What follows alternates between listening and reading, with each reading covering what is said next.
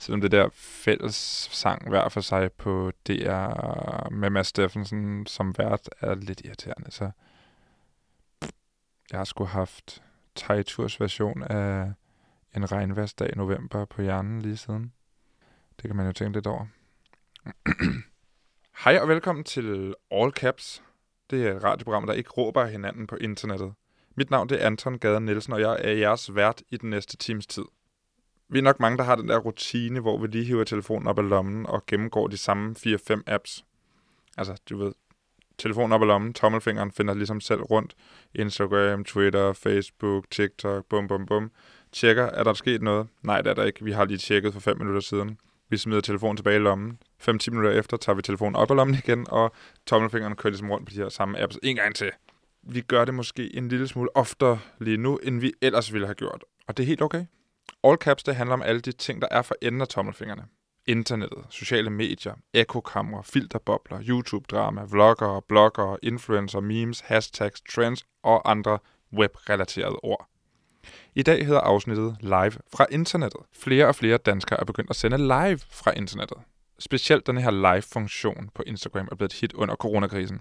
Eller som folk siger, i disse coronatider. Hmm. Det er en lækker vending. Den, den kan man bare ikke få nok af i disse coronatider. Ah, sig det igen. I dag der skal jeg tale med to personer, som har genopdaget det her live-format på Instagram. Og måske har de i virkeligheden genopfundet måden at gøre det på.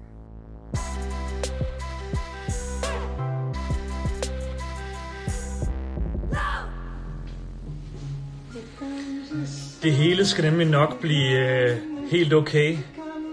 Vi, øh, vi befinder os i en øh, fuldstændig vanvittig tid, og øh, jeg er meget, meget, meget beæret over, at alle I har valgt at se med hele ugen her. Jonas Risvi er 26 år. Han er filminstruktør og har under hele corona-lockdown-krisen lavet nogle ret velproducerede interviews på sin Instagram-profil. Han har gjort det for at få folk til at blive hjemme, og han kalder det for masterclasses. Ham ringer jeg til lige om lidt. Hey everyone! So welcome to Familia, the online edition. Thank you to everyone tuning in. Miss Privilege er en del af Copenhagen Drag House og har sammen med en masse andre sendt live drag shows på Instagram. Jeg skal tale med hende om det at blive revet ud af sin subkultur, og hvordan man finder sammenholdet online, når man ikke kan mødes med sin udvalgte familie, men muligvis er spærret inde med sin påtvungne familie. Altså den familie, man ikke selv har valgt. Til sidst i programmet, der får jeg besøg af Marie Høst. Hun er vært på Vi er Data her på kanalen. Hun skal være min kødelige gæst i dagens udsendelse i det anslag, som slet og ret hedder Content. Her giver vi nogle bud på nogle fede ting, som I kære lyttere selv kan gå ud og underholde jer med online. Velkommen til. Men først skal vi lige have nogle korte nyheder fra internettet. Marie Høst, du er her faktisk allerede. Ja. Ja, øh, du er vært på Via Data, som handler om data. Det giver sig selv. Øh, data er udgangspunktet for al usynlig teknologi. Ja, det Hvad- kan man sige. Hvad sidder du og roder med? Jamen lige nu, der øh, sidder jeg og roder med et program, der handler om, hvordan al den her data bliver brugt til at overvåge os i de her coronatider. Fordi øh, overvågning er jo nationalstaternes yndlingsgadget lige nu i at prøve at kontrollere smitten øh, af corona. Og det har jo alle mulige forskellige konsekvenser. Så det er det, jeg sidder og lurer på lige nu og laver programmer om. Spændende. Mhm. Og det kan være, at du skal tage hul på den første nyhed i det her indslag, som hedder Korte Nyheder. Ja, Hvad er den første nyhed? Den første korte nyhed er øh, meget relateret til det, jeg lige sagde, at øh, tech-giganterne ligesom er kommet på banen nu til at konkurrere med nationalstaterne om, om overvågning. Ej, den har de jo vundet for lang tid siden. Men det, der er sket, det er, at de er kommet på banen med det, øh, de har samarbejdet om det, der hedder en API, mm.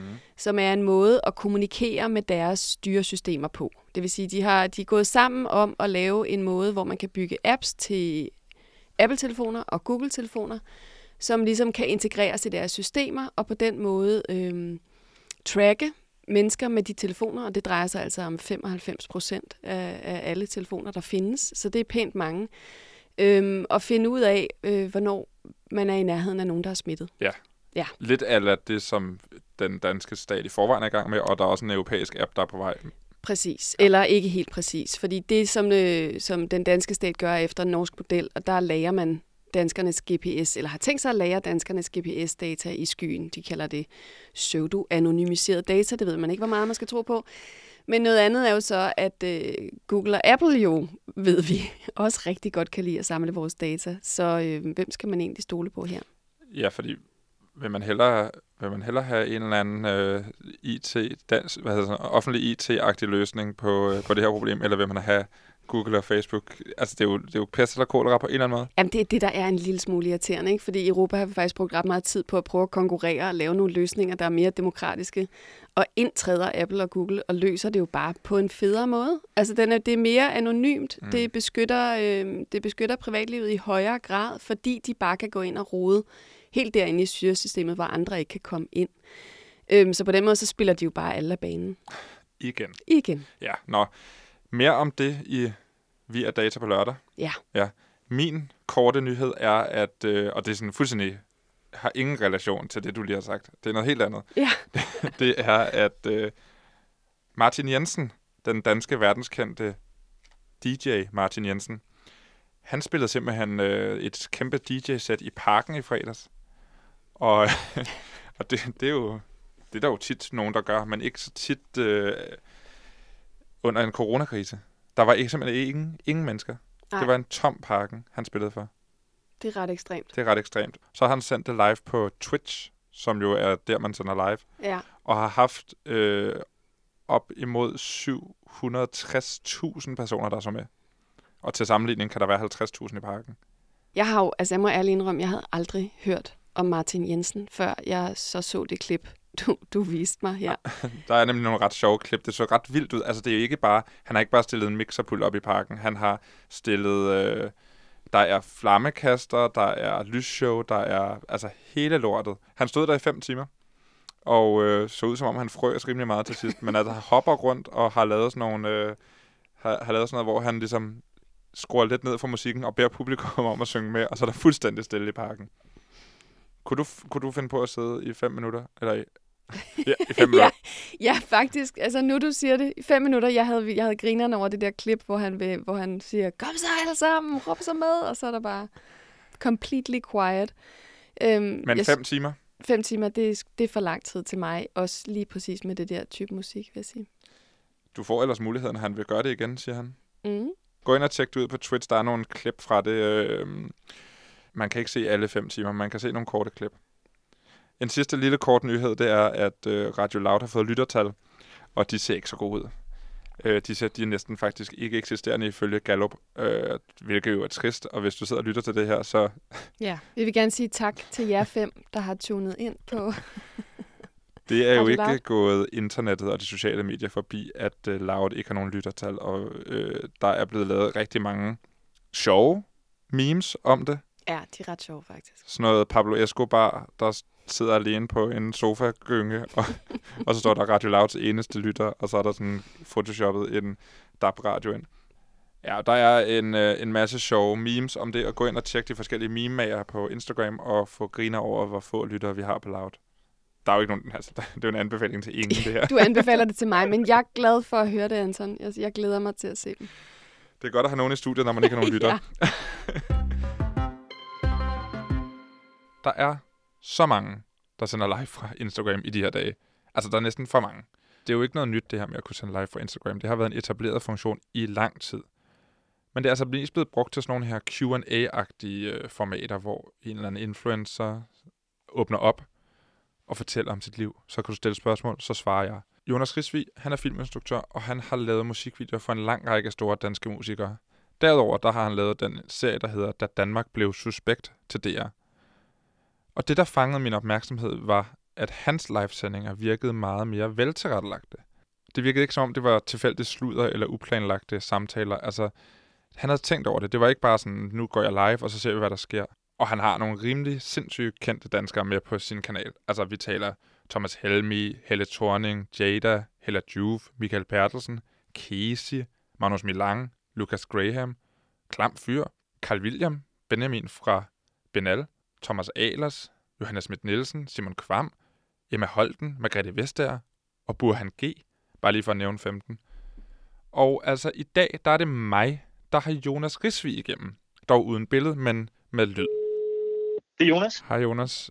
Tak fordi du var med. Og øh, lad mig lige hurtigt forklare dig, hvordan jeg faldt over dig, og hvad der så skete, øh, da jeg gjorde det. Ja. For vi kender jo ikke hinanden i, i forvejen, og vi er ikke venner på Instagram, og jeg har i virkeligheden ikke rigtig sådan øh, lagt mærke til dig online. Nej. Jeg ved godt, at du har lavet nogle forskellige ting for DR og sådan noget, men jeg har ikke stødt på dig på Instagram. Og så lige pludselig så stødte jeg på denne her, det her format, hvor at du er i samtale med en kendt, muligvis en, som jeg øh, følger. Det er sikkert derfor, det er kommet op på mit feed. Og, øh, og, og det var en, øh, en snak om skabertrang og om, hvordan man bliver inspireret. Og, og jeg blev ret begejstret for det her format. Jeg blev sådan ret overrasket over, at man kunne det, og hvorfor i alverden er der ikke nogen, der har gjort det før. Altså en tilrettelagt samtale på Instagram øh, live. Ja. Det virker som en ret simpel ting. Men kan du ikke lige prøve hurtigt selv at sætte nogle ord på, hvad det er, du har gjort og gør?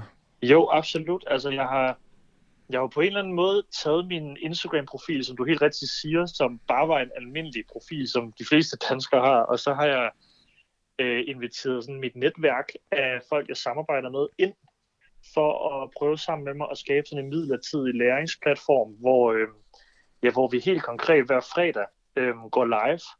Hele dagen lang og laver sådan nogle 30 minutters øh, live talks eller masterclasses i, hvilke nogle værktøjer og metoder, man kan sådan bruge tiden derhjemme nu på at forfine for at øh, begynde at mobilisere sig selv mere kreativt eller produktivt, især henvendt til øh, unge mennesker, sådan i alderen 13 til, til 20 år. Ikke at man ikke kan se med, hvis man ikke er ældre, eller hvis man er ældre eller yngre, men, men jeg prøver sådan at, at lade interviewet være på de præmisser, at det skal være så jordnært og så relaterbart, at man kan sidde i 9. klasse og faktisk pludselig øh, føle en eller anden form for, øh, en eller anden form for nærvær, når man taler med de her forskellige medvirkende.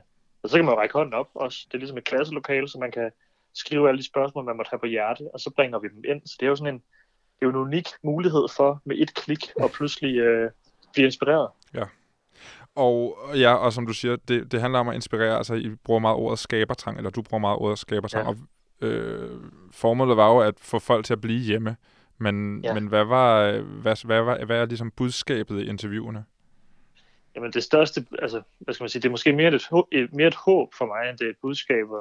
Jeg, jeg håber på, at rigtig mange af de unge, som jeg også i mit, igennem mit arbejde som instruktør har mødt, der går med noget uforløst i sig, i forhold til at udtrykke sig selv, at de bliver inspireret nu til at bruge den her, du ved, tid øh, derhjemme, hvor der faktisk er mere ro end normalt på at øh, forfølge nogle af de ting. Og det handler jo ikke, altså det behøver ikke at være at spille skuespil eller skrive en sang. Mm. I virkeligheden så øh, må det i lige så høj grad også bare være noget med sådan at øh, finde noget ro til at begynde at blive bedre fagligt, eller finde noget ro til at være den veninde, man gerne vil være, eller finde noget ro til sådan at finde ud af, hvad skal man egentlig efter gymnasiet. Pludselig er der jo tid til at tænke nogle tanker her, når vi alle sammen bliver tvunget lidt til at blive indendøre og isolere os selv, og, og der tror jeg, det her det kan hjælpe med at, at, at starte noget tankegenerering. Så det er også derfor, jeg kalder det skabertrang. Det er virkelig også fordi, at jeg selv er vokset op med den der lyst til at lave et eller andet. Gå Mm. ud og lave en hule i haven, eller male et legehus. Og jeg tror, alle mennesker bærer på den, men det er ikke altid, at man kvæg, hvor man er henne i sit liv, øh, finder roen til at, at, at udtrykke det. Der er noget interessant i at bruge et medie, som for mange vedkommende, nu taler også lidt for mig selv, er med til at fjerne min fokus fra fordybelsen til ja. At øh, ligesom advokere for fordybelsen. Det synes jeg er lidt paradoxalt. Det er det faktisk også. Øh, nu ved jeg ikke, om du om det var noget, der var efterspurgt, eller om det bare var noget, du fandt på, men ja. Ja. hvad har reaktionerne været? Har, har du hørt fra dem, som du ligesom har henvendt dig til? Øh, Det er jo sjovt det der med, at, at det var egentlig ikke efterspurgt. Altså det kom ene alene, fordi at jeg selv havde en, en idé om, at det her det kunne give bare måske 100 mennesker et eller andet at bruge tiden på. Øhm, så har reaktionerne så været så overvældende, at når det går godt, så er der altså op imod 30.000, der ser med på sådan en lektion der. Øhm, så det har jo virkelig, jeg vil ikke engang sige bekræftet mig i det, fordi det, det, det, den, den præmis arbejder jeg ikke ud fra, men det har, det har gjort mig opmærksom på, hvor mange mennesker, som faktisk i det daglige øhm, søger, altså søger at blive inspireret, og søger en, øh, en, en form for samtale, hvor man, hvor man selv kan tage nogle noter ud derfra og bruge dem i sit eget liv, eller i sit eget virke. Øhm, og det inspirerer mig helt vildt meget til at tænke i, hvordan vi sådan i Danmark som et land, der er enormt iværksættende og, øh, og, øh, og, og gode til at være innovative, hvordan vi sådan får åbnet mere op for den der vidensdeling, fordi i mit eget sådan, arbejde som instruktør, jeg fravalgte at tage på filmskolen, øhm, jeg synes, jeg har mødt meget, meget lidt vidensdeling i virkeligheden i forhold til det at lave film. Altså det er virkelig noget, man skal søge selv, og oftest i, øh, i engelske hvad, skal, hvad skal man sige, artikler eller bøger.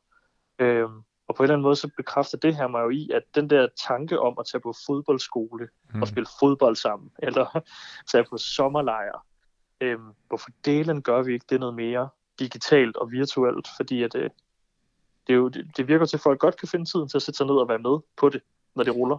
Ja, og, og der er et eller andet... Øh, altså, der er jo mange, der bruger YouTube til at lære nye ting, ikke? men der jo. er det gerne sådan nogle meget konkrete ting, og du har måske ret i, at ja. der mangler denne her vilje til at give noget af sig selv, måske. Ja. Og det kan være, at man måske mere kan begynde at se noget af det. Det synes jeg i hvert fald, man har kunne se meget i, i forbindelse med coronakrisen her. Ja. Folk, der har delt noget, ikke? Jo. Jo, helt klart. Og det er jo også det der, tit så når man ser et, øh, hvis man har set et kulturprogram i tv'et, så er det jo tit skudt to måneder før, at alle, og alle planer er der tilrettelagt, og ofte handler det jo meget sådan om for eksempel en, en musiker, vi kunne tage Thomas Helmi som eksempel, ham har jeg jo selv haft med, og han har også optrådt i mange kulturprogrammer, og tit vil det jo handle om hans musik eller hans karriere og sit personlige liv og sådan noget, hvor at her springer vi faktisk hele det step over. Vi går faktisk ud fra, at dem, der ser med, godt ved mm. nok om Thomas Helmi til, at de gerne bare vil høre om, hvordan skaber han så musik, og hvad har ændret sig i hans liv i forhold til det at skabe. Øhm, så det bliver enormt sådan aktuelt og nutidigt. Og det tror jeg faktisk også, der er mange, inklusive mig selv, der har savnet i, i nogle af de programmer, der så bliver produceret, hvor man endelig får lov, altså får lov til at høre, øh, hvad, hvad skal man sige, Helle Thorning Schmidt fortælle. Så hører man om hendes karriere som politiker. Men det er jo langt mere interessant for unge at høre om, hvordan hun selv var, da hun var 15. Og, og, og hvad, hvilken vej hun så gik for at ende, hvor hun endte. Ja, og der, der er noget interessant i det, du siger i forhold til, altså jeg, jeg lagde mærke til, da jeg sad og så blandt andet uh, Hella Juf og ja. Michael Bertelsens, uh, ja. den, den, de snak, du har haft med dem, der, de siger nogle ting, som jeg hverken har læst eller hørt dem snakke om andre steder. Og det ja. er vel både fordi, du har det fokus, du har, men tror du ikke også, at mediet han, har en eller anden... Øh, har noget at sige. Altså det der med, at det jo. ikke så meget et interview mere, end det er en samtale. Det er et FaceTime-opkald på en eller anden måde, ikke? Jo, helt sikkert. Jeg har fået et par beskeder i min indbakke fra nogle journaliststuderende, som øh, har, har været søde trods alt, men givet mig øh, kritik på min måde at spørge på, fordi de mener, at jeg er for portrætterende, og at jeg ikke går kritisk nok til værks. Men så har man simpelthen misforstået konceptet, fordi jeg tror lige præcis, det du siger der, er årsagen til, at, øh, at de her samtaler ender med at føles som samtaler. Det er både, øh, hvad skal man sige, min evne eller manglende på samme til at, at forholde mig øh, sådan umiddelbart uforberedt, men til gengæld så nysgerrig og naiv, at jeg får de her folk til hurtigt at åbne op og blive meget sådan konkret forklarende på, hvordan de arbejder. Øhm, og, og man kan sige, jeg er sådan en nobody, som folk ikke kender, så derfor er jeg også den i rummet, som påtager mig at være de øjne for det publikum, som, som sidder og ser med. Og jeg tror, det gør, at hvad skal man sige, dem, som er med, for eksempel Michael Bertelsen, sådan en fyr som ham, det er jo også et, det er jo et atypisk interview at deltage i, men fordi det er så nemt, at han kan stå på sit kontor med en telefon og en kop kaffe i hånden, så kommer man jo også meget hurtigt ind til kernen, ligesom man gør, når man selv ringer op til en, en ven eller et familiemedlem. Det tror du er ret i, det er en, formatet tillader, at man kan skabe de her samtaler. Du lytter til All Caps på Radio Loud. Mit navn er Anton Gade Nielsen, og dagens tema er live fra internettet. Jeg taler med Jonas Risvig, som har udviklet et helt specielt live-format til Instagram. Hvad har du selv fået ud af det? Det er, det er jo en kæmpe vidensbank, du ligesom har fået adgang til igennem det her. Hvad har gjort mest indtryk på dig? Det har virkelig gjort indtryk på mig at se, øh, det, det har gjort indtryk på mig at mærke, at jeg kunne give noget videre til nogle andre. At jeg kunne være et bindeled mellem en samtale, fordi normalt, når, når, når jeg synes, man arbejder i, de her, i det her felt, øh, som jeg arbejder i, som nogle gange er film, så starter en idé jo tit med, at jeg gerne vil fortælle noget, og så går jeg ud og fortæller det til et publikum. Øhm, her har jeg jo sat mig imellem de to ting, så i virkeligheden så agerer jeg langt mere sådan projekter og læret i en biograf, hvor der om lidt skal spilles en film, og der er et publikum, der skal mødes ind og få en god oplevelse. Og det har været en vildt interessant lektie for mig at finde ud af, at jeg kan faktisk være med til at formidle noget information fra en afsender til en modtager, uden at jeg behøver at øhm, have bestemt, hvordan det skal gøres, eller selv være ham, som har tilrettelagt, hvad det er, vi skal fortælle. Øhm, så det har gjort mig enormt øh, ydmyg og meget bevidst omkring, at lige nu har jeg en mulighed for faktisk at formidle nogle historier og noget information, og øh, jeg føler mig meget privilegeret over at kunne gøre det. Og derfor har jeg næsten taget det lidt på mig som et, et ansvar for, at hvis man har den, den lille dør på klem, så skal man øh, prøve at se, om man kan åbne den op for andre. Øhm, og, og det har jeg jo lært ved at mærke øh, responsen og opmærksomheden på det. Så man kan sige, det har, det har været meget rørende at se, at Nå, men det har faktisk sin plads, det her. Mm. Det, man, behøver ikke, øh, man behøver ikke være en større formidler, end jeg er, for at kunne, øh, kunne bidrage til, til folks inf- øh, informationskilde i de her dage, i de her tider. Der er jo også mange, der efterfølgende har jeg ved ikke, om det har været direkte inspireret af dig, men der er i hvert fald rigtig mange andre, som er begyndt at lave den samme slags live-formater i Danmark. Ja, øhm, det er der. Så du, på den måde har du inspireret. Har, har du haft... Øh, er der nogen, der har ligesom spurgt dig, hvordan, øh, hvordan fanden skal vi lige gøre det her? Og sådan Ja, det er der. Det er der faktisk rigtig mange, der har. Og jeg har også, jeg har, jeg er heldigvis så, øh, jeg er så heldig, at jeg har en, en, et par assistenter, som hjælper mig med at sørge for, at, at de her episoder kommer op på nettet, og nu er de også lige udkommet som podcast, og sådan, så det bliver, det, hvad kan man sige, uden, uden at skulle, skulle sætte den hat på mig, så ved jeg også for flere af dem, jeg har talt med, som også er dem, der sender nu, og som sender for rigtig mange mennesker, at jeg har helt klart været med til hurtigt at rykke på noget, som er endt med at blive meget populært nu. Jeg tror ikke, jeg tror, det var sket uanset hvad. Øh, men i Danmark tror jeg helt sikkert, at det blev accelereret, fordi at jeg vidste, at, at gennem mit arbejde med de unge, at det var her, jeg skulle være. Det var her, jeg skulle udkomme, hvis jeg ville.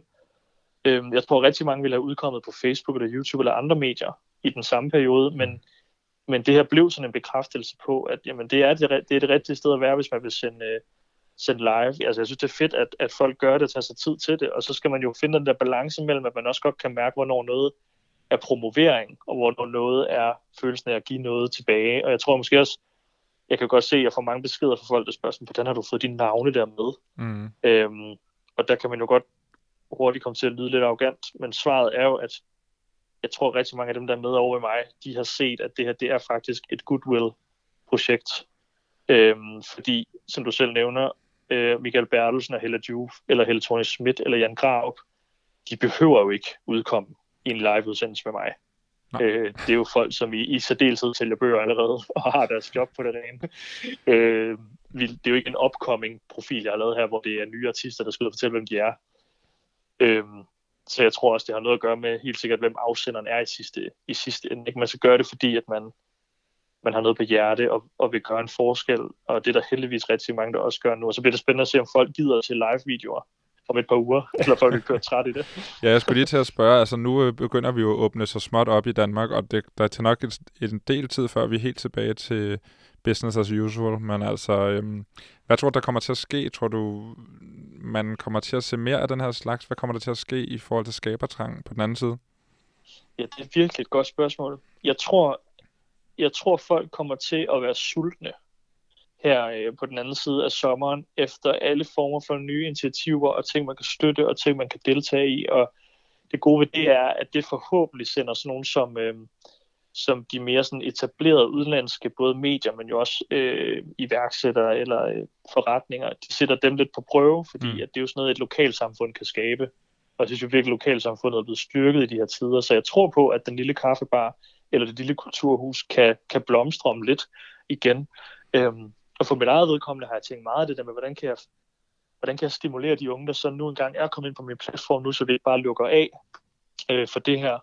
Øhm, så jeg har sådan tænkt på, at jeg vil gå gerne med at lave en tv-serie faktisk, øhm, som så ikke skal sendes til tv, fordi de har lukket ned for alle produktioner, men jeg begynder for næste uge at udgive en, en webserie, hvor jeg inviterer alle de unge, der har set med til at komme med ind og skrive den sammen med mig.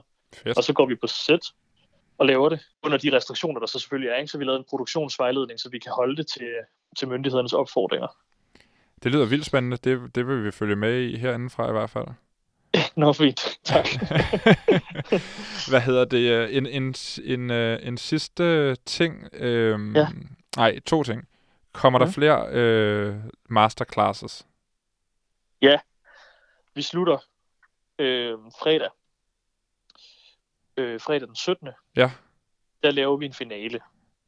Stor finale udsendelse. Øhm, og det bliver med et, øh, meget, meget smukt line-up af folk, der er med. Øh, og vi, vi, vi stopper sådan helt på... Øh, jeg havde sådan tre, jeg havde tre navne, som jeg vidste, en af de her tre øh, skal, skal, skal lukke ballet, hvis det skal blive, hvis, det skal, hvis jeg skal have fået opfyldt alle mine drømme. Og to af dem er i hvert fald med Okay. øh, på, på fredag. Og så lukker jeg faktisk af selv. Jeg sad sådan og snakkede med min far omkring det her med, hvordan lukker man sådan et, et show her, der har kørt øh, i fem uger Mm. øh, med så mange unge. Så sagde han, at du skal lukke det lige præcis der, hvor det startede. Og det startede med mig og de unge, som gerne vil vide noget om, hvordan det var at lave film som ung menneske. Og det har de faktisk ikke fået endnu. Jeg har ikke selv været på. Jeg har ikke fortalt dem noget som helst om at være 26 år og starte et projekt som det her. Øhm, så på fredag, der lukker vi af med, at vi tager sådan en session, hvor at, øh, man så kan spørge mig om det. Og så håber jeg, at, øh, at det her kan få nogle af de unge til at lave deres egne projekter, eller det her i fremtiden. Kan du løfte sløret for en enkelt, eller nogle af de, de store, der kommer med? Vi slutter af med Lars Løkke Rasmussen, Wow. Pilo Asbæk og Jørgen Let. Hold da op. Har du nogle anbefalinger til, hvad man ellers kan, hvis man har de behov, som du opfylder, men efter det, hvad kan man ellers finde på Instagram? Er der andre øh, inspirerende kanaler? Ja, det er faktisk et godt spørgsmål.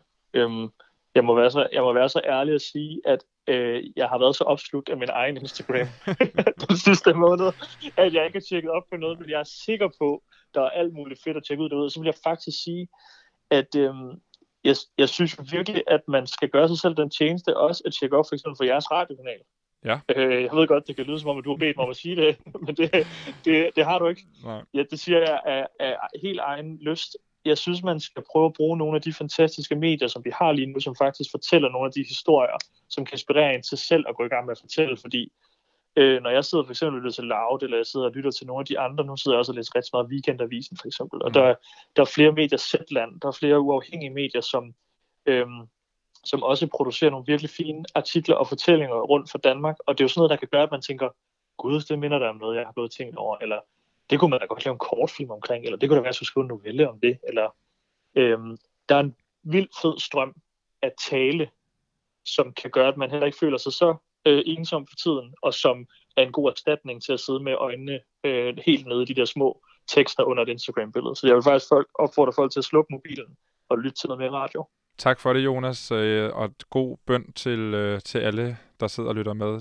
Orienter jer bredt. Ja. Tak for det, og have en god coronadag. Tusind tak, og lige måde. Altså, det er helt klart en anbefaling herfra at gå ind og se nogle af de her masterclasses, som Jonas har lavet.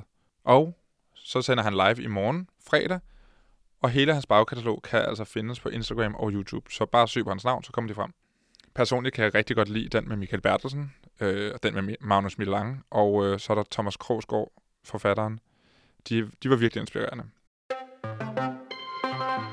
Du lytter til All Caps på Radio Loud. Mit navn er Anton Gade Nielsen, og dagens tema er live fra internettet. Jeg har lige talt med Jonas Risvig om hans live masterclass interviewformat. Og hvis du ikke nåede at høre interviewet med Jonas Risvig, og gerne vil høre det, så kan du altså finde All Caps på podcast, og det kan du gøre på Spotify, eller hvor end du nu lytter til podcast. Gå ind, søg på All Caps, abonner, lyt, lyt, lyt. Nu skal det handle om at optræde for et publikum, der kun kan give feedback ved hjælp af tekst og hjerter. Copenhagen Drag House øh, laver store dragshows på Lillevækker blandt andet. Og det gør de et par gange om året for op til 600 mennesker. Og det er altså sådan noget her med vilde kostymer, make-up, høj musik og et ekstremt begejstret publikum. Det ser lidt anderledes ud lige nu, selvfølgelig, fordi Lille Vega er lukket, og vi må ikke mødes øh, 600 mennesker, selvom øh, det kunne være dejligt. Så derfor er Lille Vega blevet skiftet ud med performernes soveværelser, eller stuer, og det hudende publikum er altså blevet til ikoner, tekst og hjerter på en skærm. Dragshows, det handler ikke bare om stemningen. Alle ved, og selvom man ikke har været til et dragshow, at der er en rimelig vild stemning til sådan nogle shows. Nej, det handler altså også om samværet og det her tilhørsforhold, man har, når man er en del af den her subkultur. Så det er ikke bare for sjov, når Miss Privilege danser rundt i fuld makeup og kostyme hjemme foran sit selfie-kamera på kollegieværelset i København. Det handler om mere. Hej, det er Miss Privilege. Hej, det er Anton fra Radio Loud. Hej, Anton. Miss Privilege, du er en del af Copenhagen Drag House. Yes.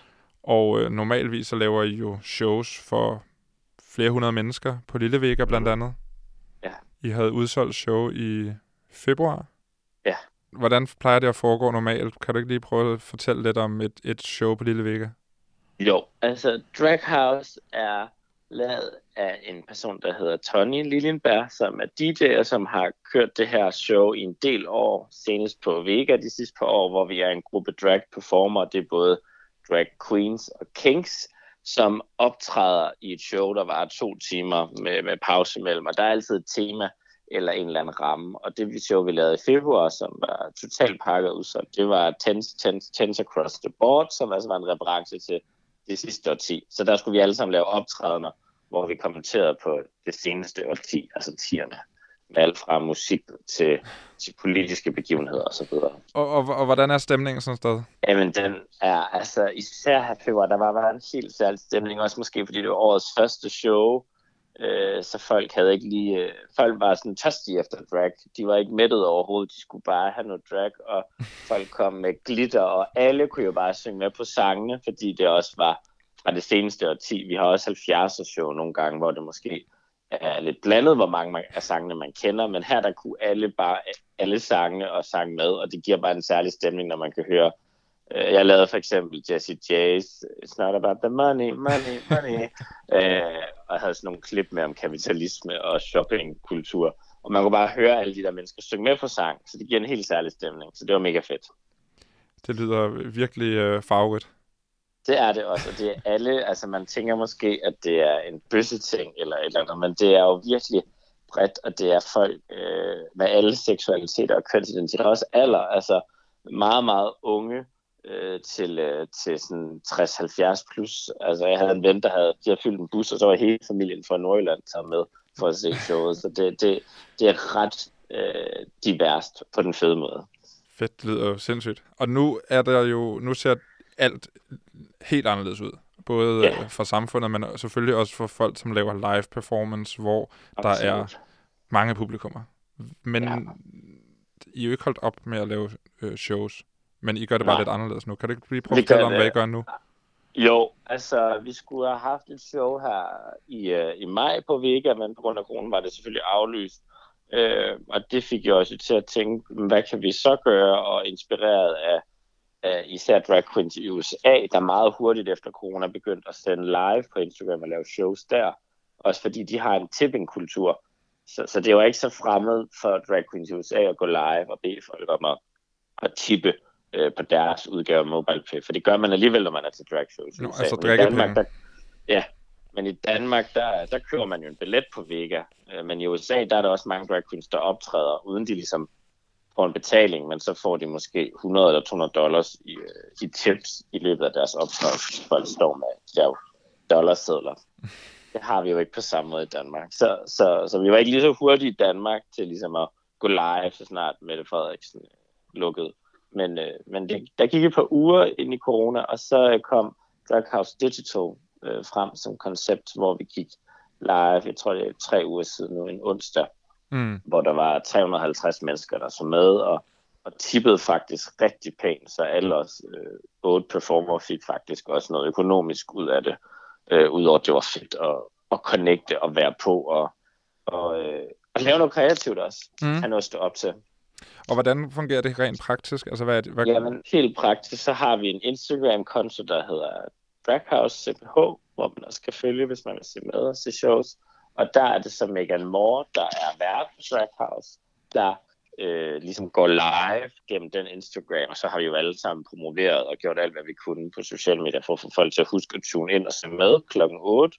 Og så øh, går Megan Moore, som også er vært på Vega Live, og så inviterer hun også performer ind en af gangen. Man kan jo være to mennesker på sådan en Instagram Live, så skærer den skærm i midten, og så kan man se begge personer.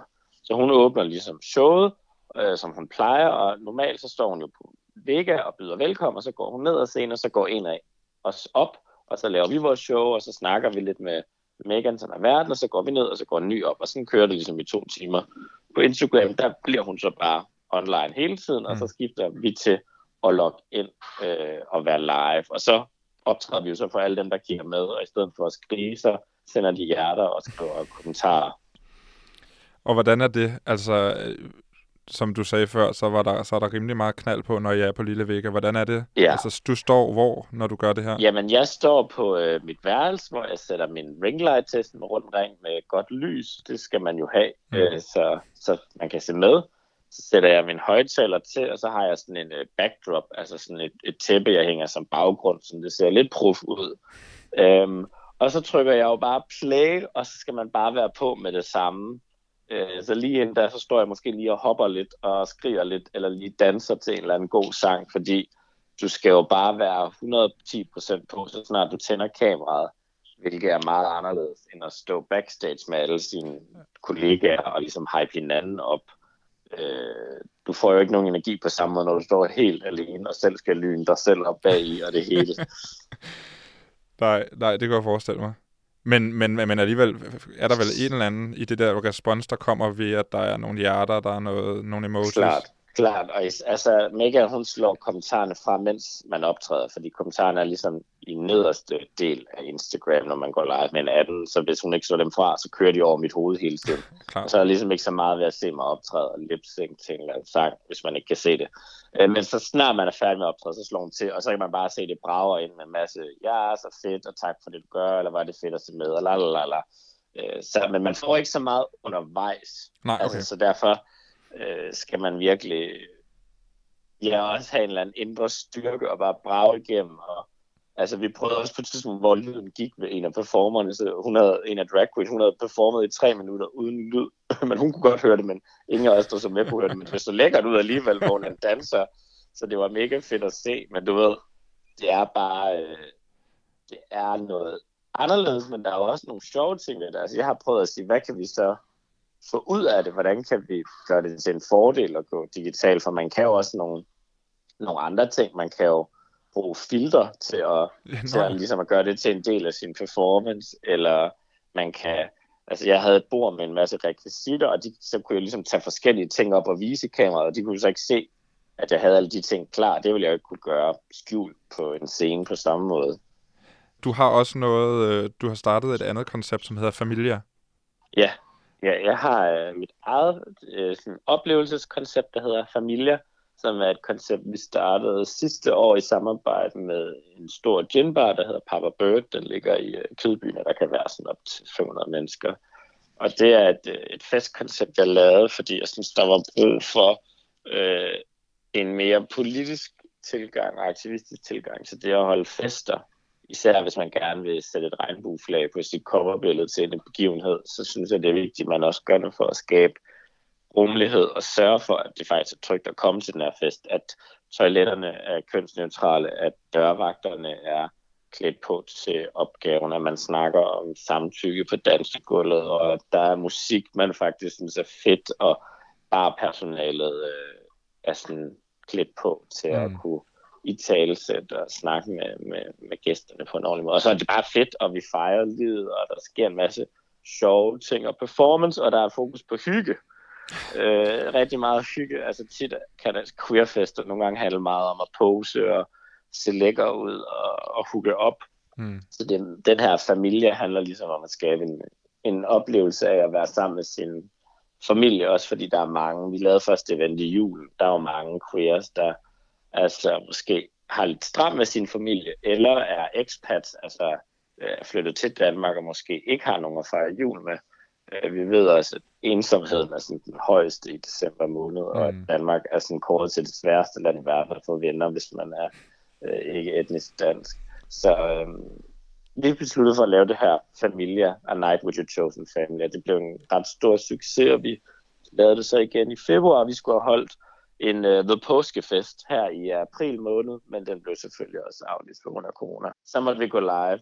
Du lytter til All Caps på Radio Loud. Mit navn er Anton Gade Nielsen, og dagens tema er live fra internettet. Lige nu taler jeg med Miss Privilege om, hvordan det er at sende live drag shows hjemme fra sit soveværelse via Instagram. Det, der er det interessante ved det her koncept, er jo, at øh, det handler om at være sammen. Ja, lige præcis. Og det kan I ikke være. Og det er der ikke nogen, der kan være lige nu. Så derfor øh, gjorde jeg det på Instagram selvfølgelig.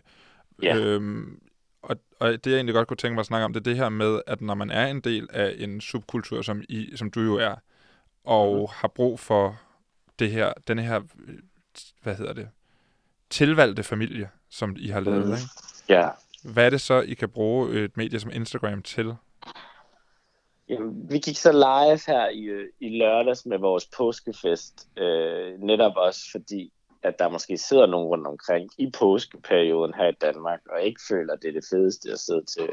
Der er jo stadig nogen, der bor sammen med deres familie, øh, og øh, måske ikke synes, det er det fedeste lige nu, eller ikke føler sig set eller accepteret. Vi, vi ved, der er mange, der måske for eksempel øh, er transkønnet, eller bare har en seksualitet, der ikke falder ind for norm, hvor deres familie faktisk ikke anerkender den identitet, øh, men er nødt til at ligesom være sammen med deres familie 24-7, fordi man er i isolation med dem. Øh, så vi ville gerne ligesom give noget, gøre noget online, så alle kunne se med dem, der havde behov for lige et, et, et, et pust og brug for at hygge. Så, så vi gik live fra, fra min Instagram, og så havde jeg de forskellige øh, drag-medlemmer af familier med, øh, som lavede forskellige performances. Og, Ja. og så, så kan folk sidde derhjemme i sin stue sammen med sin måske påtvungne familie, den familie, man ikke selv har valgt, og være lidt del af, af, af jeres familie. Og, og hvad, Lige- hvad, har, hvad har I fået af respons på det? Jamen, altså lige da vi var slut, der fik jeg en besked fra en øh, person, der sagde bare sådan, tusind tak, fordi personen havde nok aldrig kommet til et event, fordi personen har så meget angst. Men det at, øh, at kunne være med den her team var første gang i flere uger, at personen ikke havde følt sig ængstelig eller ensom. Så øh, det, du ved, altså sådan, det er en ligegyldigt, hvor mange penge folk har tippet og så videre, men at, at øh, vi bare kunne give sådan en person som den her, den oplevelse, og, og bare sådan, det var det hele værd.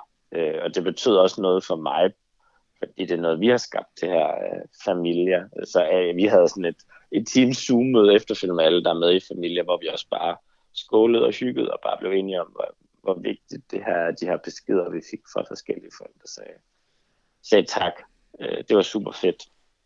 Øhm, og vi prøvede ligesom også at lave noget andet end bare at lave et par lipsing, så vi lavede også noget øh, gækkebrev, hvor vi havde lavet nogle guides til, hvordan man kunne klippe forskellige øh, queer øh, gækkebrev med, med alle mulige forskellige symboler og flag, og så har vi så lagt en guide op efterfølgende. Det er en, der hedder Maria Bejdin, som er, har sådan en master i performance design, som normalt plejer at designe hele barnet om med sådan alt muligt pynt og sådan så videre, og det, det var vi så nødt til at gøre på en anden måde, men vi kan se, at nogen har, har tagget os og klippet de her gækkebrev derhjemme efterfølgende og så videre, så det er jo mega fedt, at man kan, kan på den måde hjælpe andre til lige at hygge lidt derhjemme.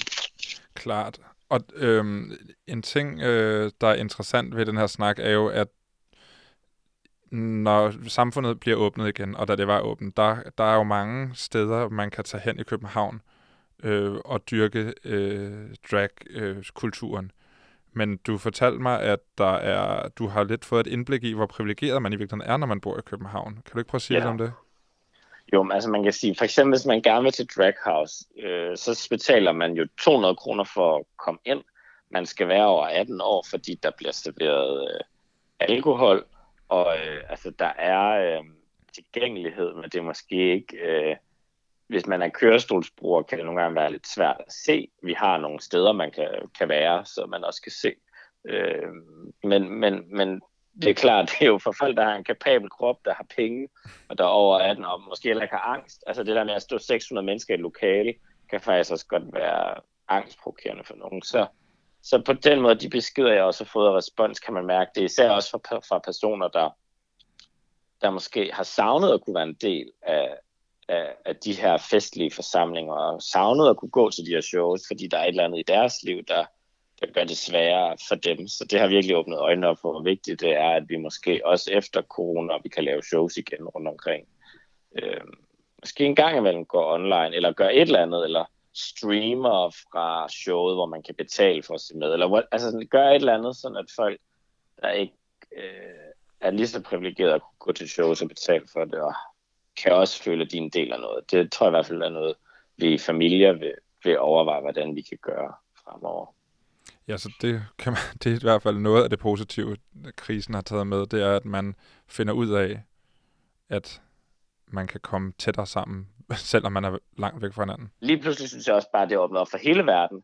Altså de shows, vi laver på Drag House på Vega, vi, ved, vi kan jo se at det er folk fra hele verden, der også har set med, når vi er gået live med, med Digital Drag House. Så på den måde har man jo lige pludselig fået et meget større publikum. Det er jo bare kriser, det er jo noget lort, hvordan verden er lige nu, men det er jo godt, at vi kan blive tvunget til at tænke over øh, alternativer og tænke over, hvordan kan vi også, øh, især for, for mit vedkommende, tænke over, hvordan kan vores kunst og, og, og fest og underholdning og, og hygge komme ud til, til nye grupper i Danmark. Især nu, hvor Pride jo også, altså i hvert fald paraderne, øh, bliver aflyst. Jeg har virkelig fået mange beskeder fra unge mennesker i de små byer i Danmark, som siger shit, og det var ligesom mit lyspunkt på hele året. Øh, så hvordan kan vi stadig skabe noget lys for dem, synes jeg også er vigtigt at overveje. Så der bliver også overvejet i digitale alternativer til paraderne rundt omkring i landet? Det tror jeg i hvert fald. Altså Oslo Pride meldt, allerede, var nogle af de første, der allerede meldte ud, at deres parade bliver digital. Og altså, jeg tror, øh, Copenhagen Pride har jo også meldt ud, at øh, selvom vi ikke kan lave den her parade, så, så så det hele Copenhagen Pride er aflyst, som jo er en kæmpe begivenhed, mm. der var seks dage, øh, og som vi har brug for for os. Det er sådan der, hvor vi politisk begynder at snakke om os. Der er sådan en gang om året, der gider øh, medierne og politikerne snakke om queer-personers rettigheder. Og så der har vi brug for, at der stadig sker noget opmærksomhed i de dage, så vi kan få politikerne til at snakke om det. Og, øh, og der tror jeg, vi må alle sammen, også kunstnere og drags for eksempel, bidrage til at kunne lave larm online, ja. nu hvor vi ikke kan, kan fylde gaderne. Det håber jeg virkelig, at de finder en løsning på. Her til sidst, så vil jeg gerne have, hvis du øh, kan fortælle lidt om, hvad for nogle ting, du selv øh, kigger på på Instagram. Hvad for nogle, er der nogle live? Er der et eller andet, du kan anbefale, hvis man sidder derude og gerne vil se noget? Øh, hvad ser jeg live? Mm. Det, jeg synes, der er spændende, det er, at man lige pludselig får adgang til nogle personer nu, som, øh, som man måske før skulle betale for, eller kun kunne komme til foredrag med, eller et eller andet. Så nu, på grund af, at alle ligesom streamer og laver ting før, så kan man få, øh, få adgang til ny viden og kreativitet. Så der er en, der hedder Rain, Raindorf Model, mm. som øh, er en øh, model, der sådan, er både går i traditionelt øh, mande- og kvindetøj. Øh, personen kalder sig selv sådan gender capitalist og, og snakker rigtig meget om, øh, om køn og repræsentation og går tit live på Instagram med alle mulige forskellige kunstnere.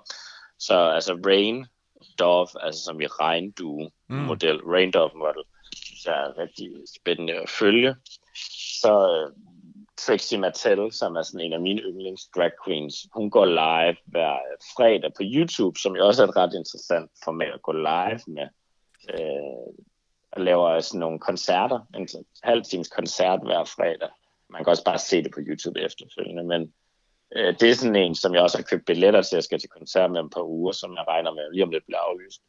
Øh, fordi, men det er en sådan amerikansk drag queen, man nu så kan se med gratis hver fredag til en, en koncert, og altså, jeg synes nogle ting som det er, er fede, og at få adgang til nogle af dem, man ser op til at blive inspireret af, på lidt en ny måde, og man kan bare se dem være i deres eget hjem. De står ikke på en kæmpe scene i pomp og pragt. Hvad kan de egentlig? Er de stadig underholdende? Er de stadig smukke? Er de stadig sjove? Er de stadig interessante, når de sidder i deres egen stue? Og dem, der formår det, synes jeg er, er rigtig interessant at følge. Tak fordi du øh, ville være med, Miss Privilege. Tak fordi I ville snakke med mig. Selvfølgelig. Her til sidst skal vi lige omkring det indslag, der slet og ret hedder content. Det her, hvor vi skal give jer lytter et par anbefalinger, ud over de to, jeg har talt med i dag, Jonas Risvi og Miss Privilege. Ja, så kommer her nogle andre anbefalinger fra Marie Høst ja. og fra mig. Marie, hvad har du øh, er med? Hvad har jeg med? Jamen, øh, ja, jeg, jeg, jeg stoppede sådan lidt op, fordi du sagde anbefalinger. Jeg ved faktisk ikke, om det er en anbefaling, men det er alligevel en lidt sjov historie. Fordi øh, Saturday Night Live, det hedder kronet Sketch Magazine, skulle jeg til at sige, Sketch Show øhm, amerikanske, de, øh, de besluttede sig for, ligesom alle andre, at lave en version på online på nettet. Øh, altså, det, det grund til, at jeg, jeg, jeg, stop, jeg, jeg stammer lidt lige nu, det er fordi, de, de er meget åbenmundede omkring, at de kalder det en Zoom-version. Og det undrer jeg mig lidt over, at de sådan vil reklamere decideret for den her tjeneste, som er kendt for sine kæmpe mange fejl, hacks, ukrypteret øh, ja. streaming og alt muligt. Men, men ikke desto mindre var det Zoom, de kalder det øh, specifikt en Zoom-version. hvor Tom Hanks han åbner Saturday Night Live med en monolog hjemme fra sin, øh, fra sin stue, eller sit køkken er det faktisk. Og det, øh, det fungerer bare ikke særlig godt. Altså, det gør det bare ikke. Det er, ret, det er ret cute at se dem alle sammen. De bliver alle sammen præsenteret sådan hjemme i deres mm. sweats, mens de spiser et eller andet disgusting, og øhm, har deres børn over det hele og sådan noget. Og det, og det, er en ret, det, det er en ret fin fremstilling, men man må bare sige, at den type underholdning baserer sig ret meget på det her live-element. Den er i virkeligheden en lille smule teater, varieté-agtig. Mm. Ikke? Det er en gammeldags form for humor, mm. som baserer sig ret meget på reaktioner fra publikum. og dem har de bare ikke. Det kan man altså virkelig godt mærke. Ja, det er meget dåselatteragtigt normalvis, ikke? Eller det er jo et live audience, men ja. det, er, det fungerer som dåselatter, ja. altså, og man det, ved, hvornår man skal grine. Den har de så taget med videre. Okay. Den har, den har han fået lov til at have dåselatteren med, fordi ellers så tror jeg simpelthen, øh, så ville der være så, så rungende tomt. Ladies and gentlemen, Tom Hanks! Hey, hey! Oh, whoa, thank you. Thank you. That is a, that is some sound effect of applause and whistles. Thank you, thank you. Thank you, engineers. Hey, all you cool cats and kittens. It's me, your old pal. And don't, don't worry now, don't be afraid. This shaved head was just for a movie and my hair is growing back very slowly. It does save time in the shower, so... Uh, Nå, no, så det er faktisk en ikke-anbefaling. At det er lidt, ej, jeg synes, man skal se det bare for kuriositeten i det. Ja. Men jeg synes, øh, jeg må sige, det er en af, det er en af de øh, ting, som fungerer rigtig godt med mennesker, der kigger på det helt i virkeligheden. De, de forskellige talkshows i USA har jo gjort det samme. Altså Conan O'Brien og Jim, Jimmy Fallon og øh, Stephen Colbert mm. sender jo alle sammen hjemme fra deres private øh, hjem. Ja. En, ver, en version af deres talkshows, hvor de har nogle Skype-opkald og sådan noget, men det, det fungerer bare lidt bedre, synes jeg. Også jo. fordi det ikke er sketches, ikke? Men det altså... fungerer heller ikke sådan helt lige så godt som deres øh, til meget, meget velproducerede programmer. Jo, øh, John Olivers Last Week Tonight, ja. det fungerer. Men, Men det er også, også fordi, stjerne, altså. Jo, og det er også fordi, det er nogle længere, sådan lidt mere journalistiske øh, ting, han snakker om. Så der er lidt mere dybde i det. Ja, men ingenting er, som det plejer. En anden ting, man kan se online, er jo koncerter, og der er jo øh, blandt andet det, der hedder Tiny Desk Concert, som øh, NPR laver, mm. som er et meget, meget øh, gammelt format, som ligger på YouTube, hvor det er forskellige kunstnere, der kommer ind øh, på NPR's redaktion og, øh, og spiller en koncert. Tre numre. Ja. Ret cute. Det har de jo lavet en home edition af også nu, hvor man kan se forskellige, øh, der, der laver koncerter. Det, det er en klar anbefaling. Øh, min anbefaling er ikke det. Men jeg vil bare lige nævne det, fordi ja. Ekstrabladet har gjort noget lignende. Det er så bare ikke en, øh, det er ikke en redaktion, men det er sådan i virkeligheden et studie, hvor det, det ligner lidt mere en koncertoplevelse. Der har de haft Annika Åk herinde og øh, optræde med et sæt på en halv times tid. Og det er, altså, det er fandme et, et stærkt show, selvom ja. det er øh, streamet og live på, på nettet. Det, det, det synes jeg helt klart, man godt kan gå ind og lytte til. Og faktisk er det så godt, at hun undervejs bliver helt rørt og græder, mm. selvom der ikke er nogen publikummer det er ret imponerende, at man kan genskabe den vibe og den kontakt, man ellers har øhm, med ja. andre mennesker, når man, er, når man laver, når man er så solo, som hun så er i det her tilfælde. Ikke? Det er ret, øh, ja, det er ret nærværende. Mm. Og så øh, vil jeg da sige, gå ind og se øh, Jonas Risvis øh, fede øh, masterclasses på YouTube. Nu har han faktisk også lagt dem ud som podcast, så du kan lytte til dem. Og hvilken, hvilken skal man starte med, Anton?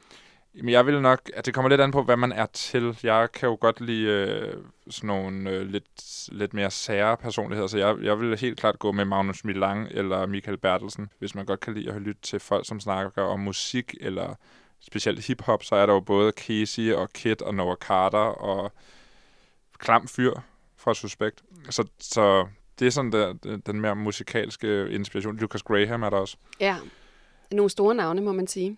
Helt klart. Det er ret sindssygt. Ja. Eller politik, der er der Margrethe Vestager og øh, Helle thorning Schmidt, som han har snakket med.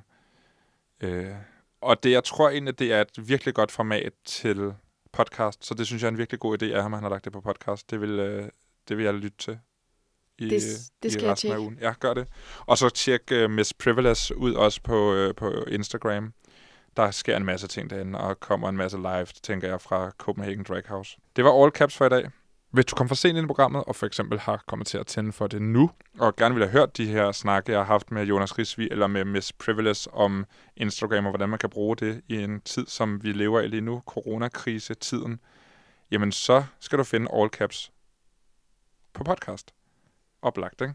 Gå ind på din øh, foretrukne podcast-app og søg på All Caps eller på Radio Loud. Så kommer det frem aller nederst.